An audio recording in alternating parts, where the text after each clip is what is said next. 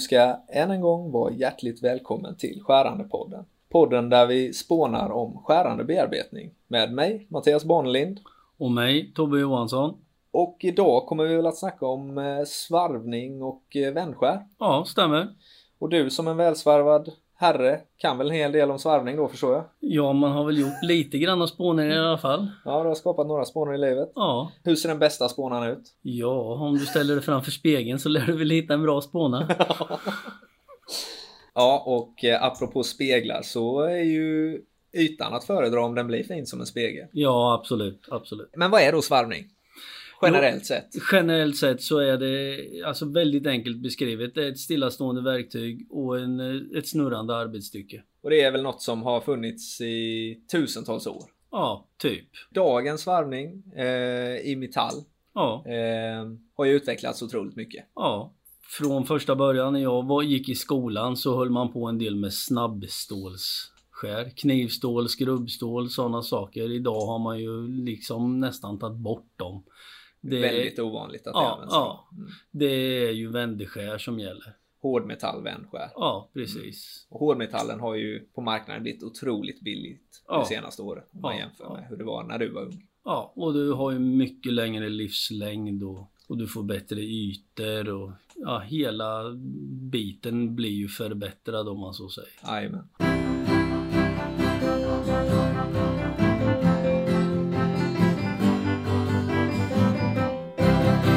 För en inte så allt för lång tid sedan så hade jag ju träslöjd. Okej? Ja, och eh, där svarvades ju en hel del. Eh, Bland annat så fick ju mor min eh, några fina ljusstakar i julklapp. Okej, man gör det fortfarande alltså i träslöjden? Fortfarande, fortfarande. Det var ändå några år sedan jag gick i träslöjd Ja, faktiskt. ja. Men eh, inte så länge sedan som du kanske Nej. gjorde det. Men, men i vart fall, eh, att svarva i trä och att svarva i metall, är ju egentligen ganska långt ifrån varandra. det är ju det. Ja, Men grundtanken och likheterna finns ju. Det är ett snurrande arbetsstycke och ett stillastående verktyg. precis, Ja. det är ju inga som står och svarvar i metall och håller en pinne själv för handkraft. Nej, det Nej. är det definitivt inte. Nej, Och när jag började så var det ju, man körde lite snabbstål och sen fick man slipa ytan efteråt. Idag kan du ju köra direkt med ett eh, hårdmetallsverktyg. Alltså hela trenden inom alltihop går ju från snabbstål och slipning och alltihop där Jajamän. mot hårdmetallsverktyg. Precis. Vändskär. det förenklar hela processen. Ja. Försnabbar. Precis. Mm. Du tar bort många steg i, i processen om man säger. Jajamän. Ja. Så vad behöver jag då för att kunna svarva? Väldigt enkelt. En svarv, hållare, skär. Kör man det lite djupare så finns det ganska många olika typer av svarvar. Det- Du har manuella svarvar, så kallade supportsvarvar. Du har NC-svarvar som är lite grann större. Jajamän. Det finns små NC-svarvar och det finns väldigt stora NC-svarvar. Okej. Så om vi benar ut begreppet svarv då först och främst. Ja, Det består väl av en maskin ja, där arbetsstycket spänns fast mellan två dockor ja. varpå den ena dockan är Dubb och den andra är sjuk. Jajamän, Ja, och i väldigt många fall kör man enbart i sjuken. jajamän. Och sedan har du ju då en verktygshållare. Ja, stämmer. Och skär i den och sen eh, finns det en otrolig massa olika skär. Precis. Och en otrolig massa olika verktygshållare med. Ja, stämmer. Man vill, ju Stämmer. kan, man vill ju komma åt materialet på olika håll. Ja, både, vinklar. både utvändigt, Exakt. invändigt och lite så. Du kan inte använda utvändiga hållare för att svarva invändigt. Varför kan man inte det?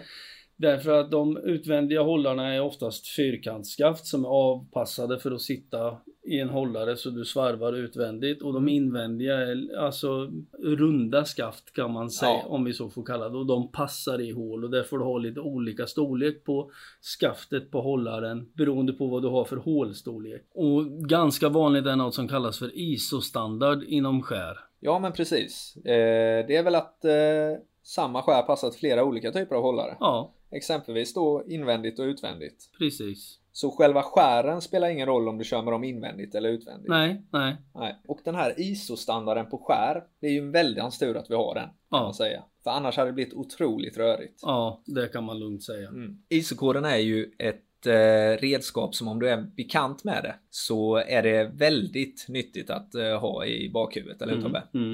Eh, Det är ju något du kan använda för att eh, ta reda på om ett skär är positivt eller negativt. Mm.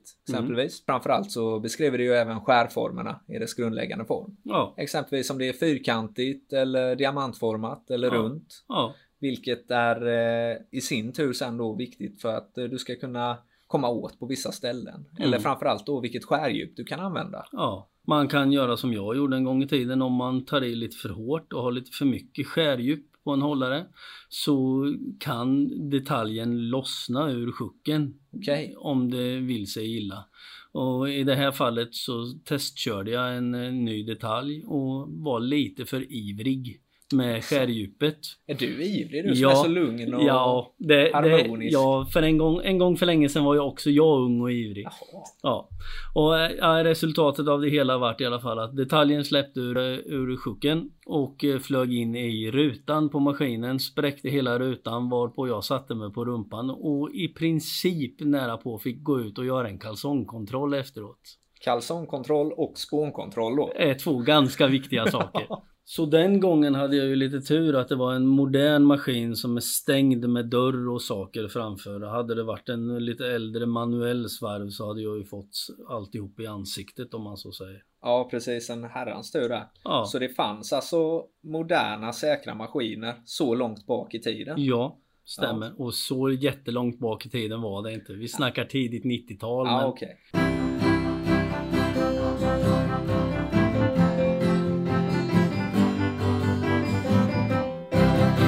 Om vi då hoppar tillbaka från tidigt 90-tal en liten bit fram i tiden då till dagens datum exempelvis då.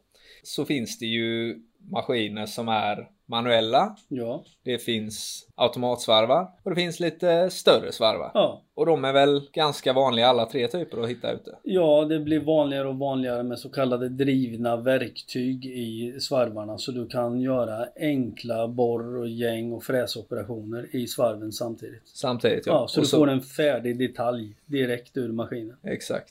Ja, det är ganska häftigt. Och Ja. det är ju automatsvarvning då. Ja, Mm. Men oavsett vilken maskin, vilken typ av svarv man använder så finns det ju lite olika problem. ja. Och det finns ju ett som sticker ut i mängden om man säger. ja vibrationer. Helt klart. Vibrationer. Det är något som är vanligt. Ett av de Precis. vanligaste problemen. Ja. Ja, det drabbar de flesta. Vibrationer innebär ju att... Arbetsstycket eh, vibrerar så att säga och ytan blir dålig. Precis, det leder till en sämre yta. Ja. eh, Snabbare förslitning utav verktyget. Ja. Ett sämre resultat Ja, helt enkelt. ja. Så detta är ju något vi måste minimera då, vibrationer. Ja, Och eh, i och med att eh, man vill minimera eh, vibrationerna så måste man ju också veta när vibrationerna uppstår. Inte sant? mm, stämmer. Men vilka faktorer är det som är viktigast att tänka på för att inte ha vibrationer? Skärdjup, matning och varvtal. Skärdjup, matning och varvtal. Ja. Tydligt, kort, koncist. Ja. Mycket bra. Sen kan man bena ut det där hur mycket som helst. Får inte ha för långa slanka detaljer med för stora utstick eller sådana grejer. Du måste ha så korta verktyg som möjligt. Skärdjupet är väldigt viktigt. Rätt skär till rätt operation. Precis. Eh, och eh, en stabil sjuk. Ja, stämmer. Men om man trots detta råkar ut för vibrationer och känner att eh, resultatet inte blir i nivå med vad min kund förväntar sig, Mm. sina detaljer. Mm. Vad, eh, vad gör man då? Det enklaste sättet att- att testa sig fram på det är att sänka varvet och öka matningen. Det brukar vara där i nio fall av tio som det går fel. Mm. Det eller att man har för stor nosradie. Precis. Och vid en svarv så finns det ju, ja det är ju skärdatan då som är Ja. matning och varvtal. Ja, Det är ju de två parametrarna. Och när då skärdatan är korrekt så kommer man ju uppnå en eh, fin spånbrytning, spånkontroll. Och eh, med det så undviker man ju oftast också då vibrationer. ja, Eller hur? ja, Det blir liksom eh, stabilt och bra. ja. Om man inte glömmer den lilla viktiga detaljen dubben, då kan man få smeknamnet propellen ganska länge. Kan man få smeknamnet Propellen då? Ja, Okej. det var en eh, kille som eh, drog ut en 20 mm axel. Det blir ju då ganska så tunt i en svarv. 400-500 millimeter och sen glömde han att sätta dubben i änden och körde ganska duktigt skärdjup. När verktyget träffar arbetsstycket så flyttar arbetsstycket bara på sig sidled och sen börjar det att snurra som en propeller. Okej. Det låter och Det blir smäller. alltså, och då var den ju då fastspänd utan dubb. Stämmer. Och eh, detaljen var 400-500 Millimeter lång. Ja, det blir ett väldigt långt överhäng då. Ja, blir det. Och när eh, verktyget då kommer in eh, Träffar arbetsstycket så- längst ut så ja. blir det ju ja, Precis. väldigt tufft. Ja, Mm. Där uppstår såklart vibrationer. ja, Och då kan man få nicknamnet propell. ja, Propellen är ju ett smeknamn nästan lika bra som helikopter. ja, typ.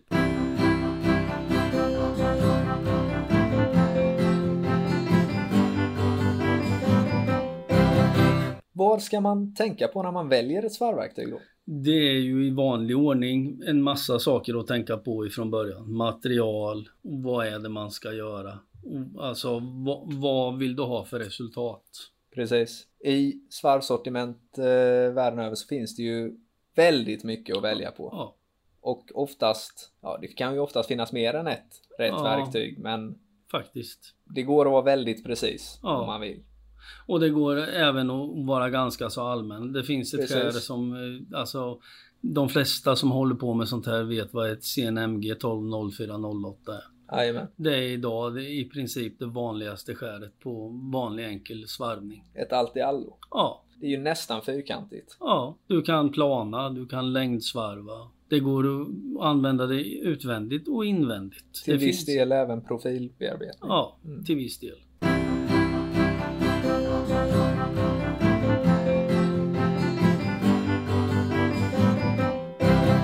Svarvning är ju ett eh, väldigt vanligt eh, bearbetnings, eh, en bearbetningsmetod i Ja. Sverige. Mm. Eh, men generellt sett över hela Sverige så kan det ju skilja sig lite. Ja, Det är lite regionsbaserat kan man säga. ja vars. Så här som du och jag som säljare då, Ja. tekniska säljare. Vi har lite olika uppgifter från Ja, dag till dag kan man säga. Det skiljer väl sig ganska duktigt från distrikt till distrikt skulle jag vilja Ja, säga. det är ju lite så.